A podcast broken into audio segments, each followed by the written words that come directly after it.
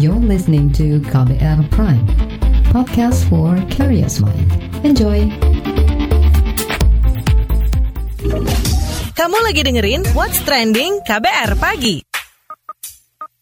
KBR Pagi, siaran pagi, radio paling update. Selamat pagi, ketemu lagi dengan saya Don Brady di What's Trending KBR Pagi, hari Selasa 19 Mei 2020. Apa kabar semuanya? Tetap harus sehat ya kan, tetap harus semangat. Masih um, ngobrolin seputar pandemi COVID-19 belum bosan dong. ya mau gimana lagi ya? Um, buka media sosial uh, isinya tentang pandemi COVID-19, terus juga uh, lihat berita semuanya tentang update uh, tentang COVID-19 ya dan mungkin ya banyak di antara kita yang selalu uh, bertanya-tanya, bisa nggak sih nanti abis pandemi ini um, kehidupan bakal normal lagi? Bisa dong kita nongkrong-nongkrong lagi, bisa dong kita foto uh, selfie deket-deketan lagi gitu ya. Jadi pertanyaan-pertanyaan soal kapan pandemi berakhir ini dan kapan rutinitas kita kembali normal itu sering banget kita dengarkan ya kan? Sudah sering banget diteriakan di mana-mana gitu loh. Bosan kangen dan lain-lainnya.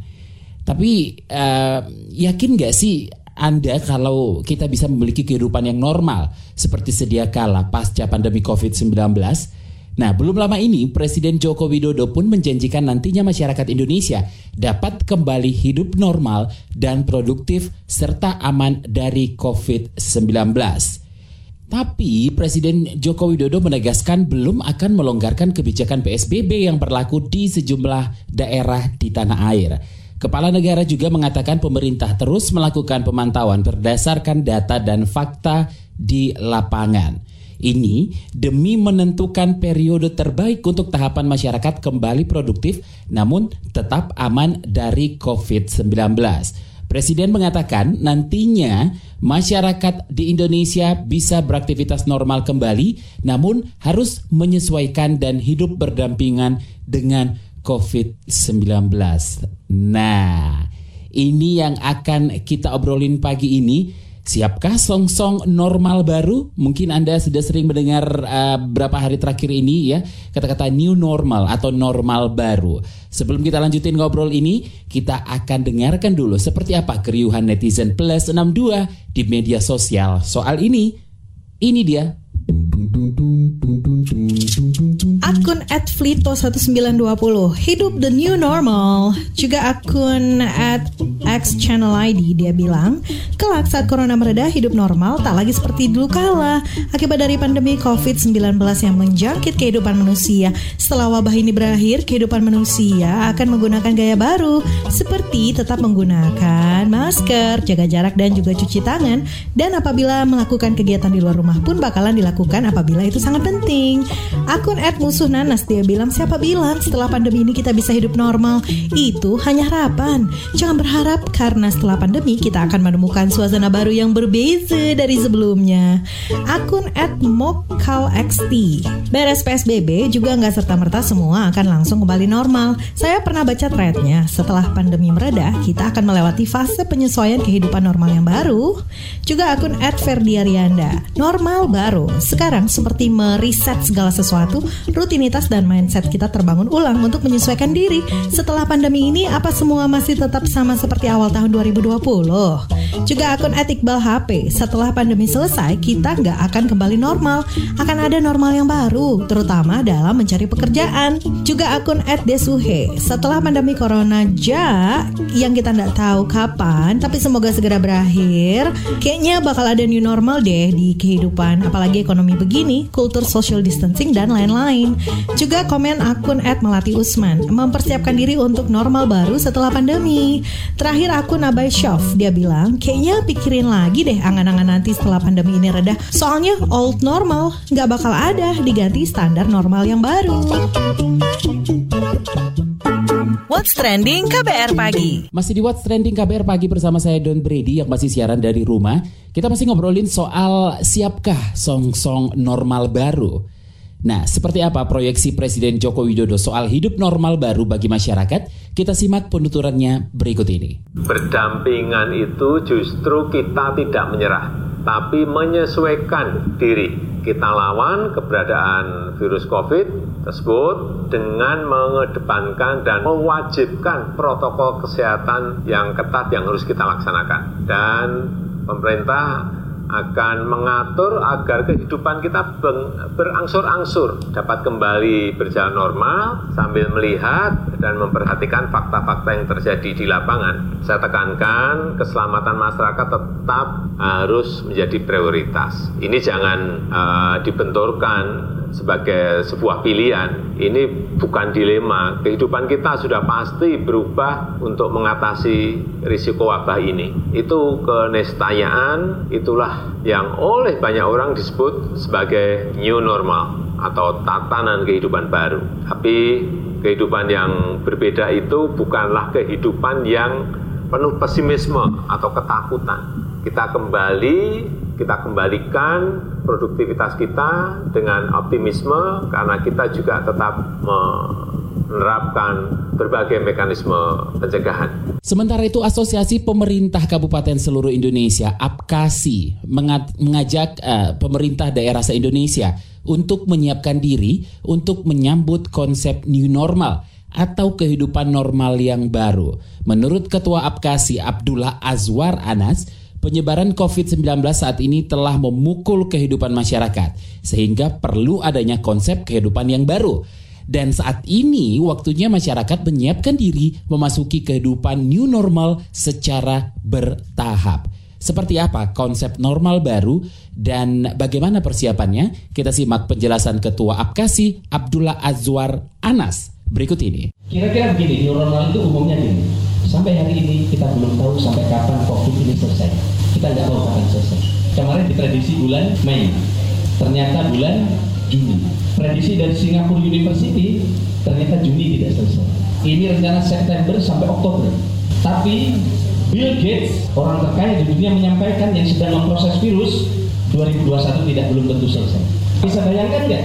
Kalau sampai 2021 ini tutup semua toko, masalahnya banyak, PAD tidak ada, DPR tidak untar-untar, apa nggak tambah pusing misalnya. Nanti DD dipotong dan seterusnya. Inilah yang disebut kita perlu menyiapkan new normal.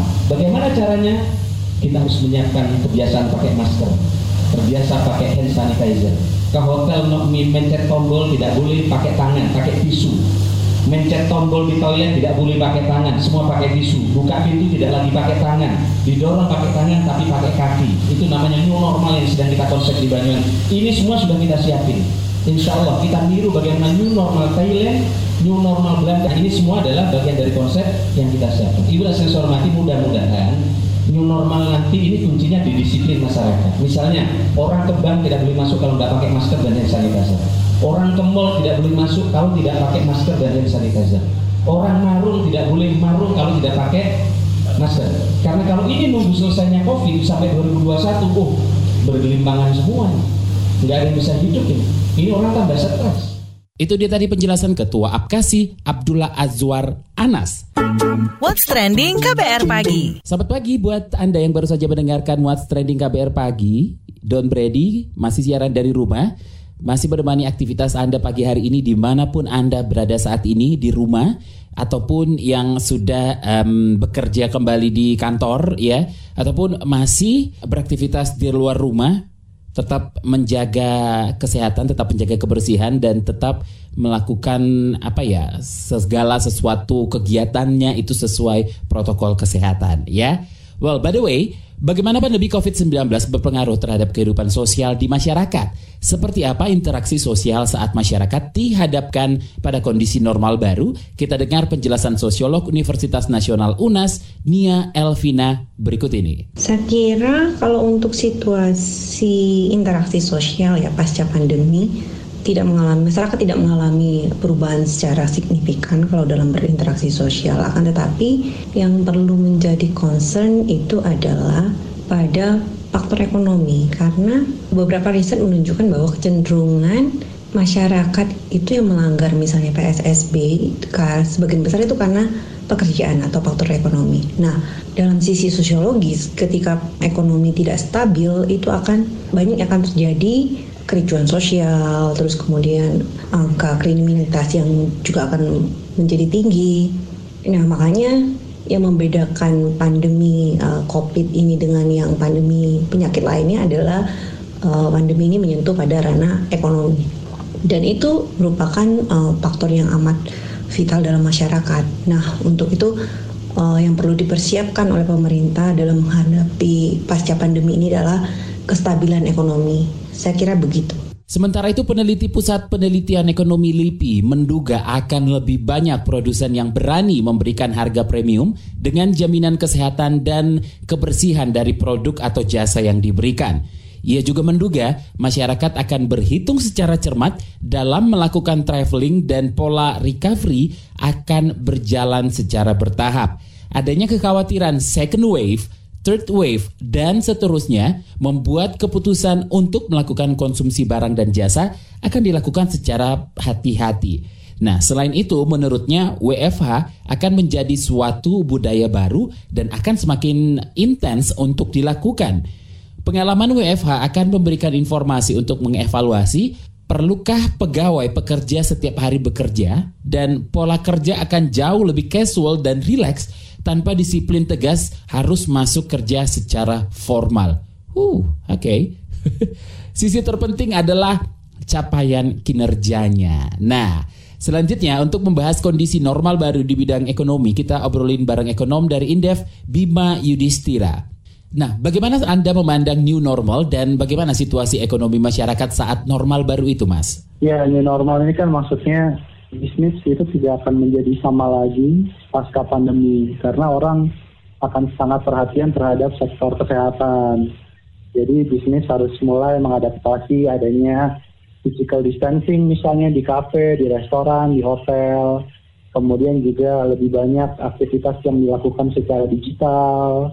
Kemudian pada waktu pandemi kan kita terbiasa untuk uh, berdiskusi ataupun rapat secara online. Ya ini juga akan mempercepat fenomena digitalisasi dan internet of things ya pasca adanya pandemi ini.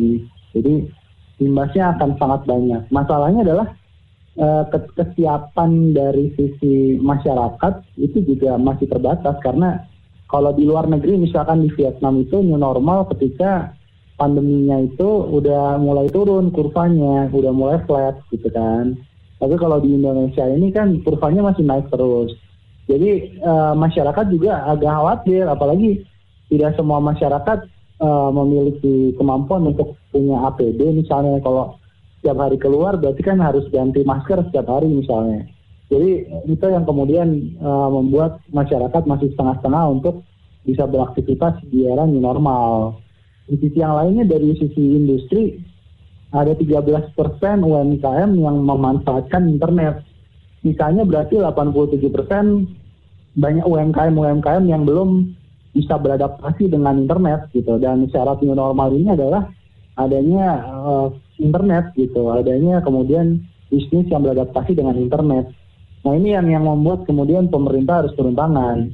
Jadi pemerintah harus fokus bagaimana usaha-usaha kecil itu protokol kesehatannya itu dibantu banyak UMKM yang nggak bisa misalkan memenuhi syarat protokol kesehatan karena keterbatasan APD misalnya itu harus disubsidi oleh pemerintah. Kemudian juga internet misalnya kita disuruh kerja di rumah lebih banyak kemudian di rumah internetnya gimana? Internetnya masih lambat di Indonesia dan biayanya masih mahal. Jadi seperti di Malaysia itu memberikan subsidi internet gratis per hari 50 GB jatahnya itu yang harusnya dilakukan untuk mensupport UMKM. Oke, okay, sektor apa yang terpengaruh nih? Pengaruhnya sebenarnya kalau untuk konteks Indonesia sepertinya akan sangat menurunkan permintaan dari sektor retail ya. Orang nih ketika terjadi new normal akan kembali lagi ke makanan dan kesehatan. Sementara untuk kayak pembelian baju itu akan berkurang tajam. Kemudian acara-acara yang ada di luar itu artinya kan sektor-sektor usaha akan banyak terpengaruh ya kayak pernikahan mungkin undangannya nggak akan terlalu banyak atau bahkan sekarang acara-acara pernikahan sudah menggunakan online misalnya untuk mengundang tamu.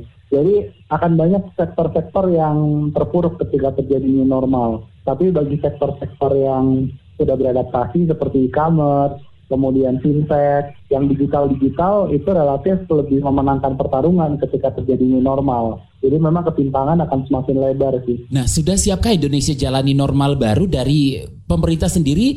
Sudahkah Anda lihat kesiapannya? Belum sih. Ini kan kita bisa lihat sendiri itu. Apa yang terjadi ini aja belum ada statement jelas terkait dengan pelonggaran aja. Pasar Tanah Abang aja udah mulai dipadati orang lagi kan. Dan di situ tidak ada physical distancing itu. Jadi yang paling repot memang bagaimana uh, bisnis yang menengah ke bawah ini yang harusnya mematuhi protokol kesehatan karena uh, tempat berkerumunnya orang banyak misalnya. Ini yang harusnya segera dibantu. Jadi kalau bilang siap nggak siap, pemerintah jelas sama sekali belum siap. Baik dari protokol kesehatan, apalagi tadi sampai melakukan subsidi di internet kepada UMKM ya. Ini masih jauh kayaknya. Terima kasih ekonom dari Indef Bima Yudhistira. What's trending KBR pagi? Demikian KBR pagi hari ini. Jika Anda tertinggal siaran ini, Anda bisa menyimaknya kembali di podcast What's Trending di kbrprime.id atau di aplikasi podcast lainnya. Ya kan, siapa tahu nih ketinggalan obrolan kita pagi ini tentang siapkah song-song normal baru bisa langsung didengerin lagi di podcast What's Trending sekali lagi di kbrprime.id atau di aplikasi podcast lainnya. Akhirnya saya Don Brady pamit, ketemu lagi besok ya. Have a nice day and um, ya tetap jaga kesehatan, tetap uh, waspada. Bye bye. Terima kasih sudah mendengarkan KBR Pagi, siaran pagi radio paling update.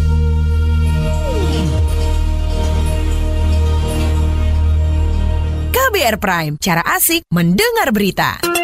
KBR Prime, podcast for curious mind.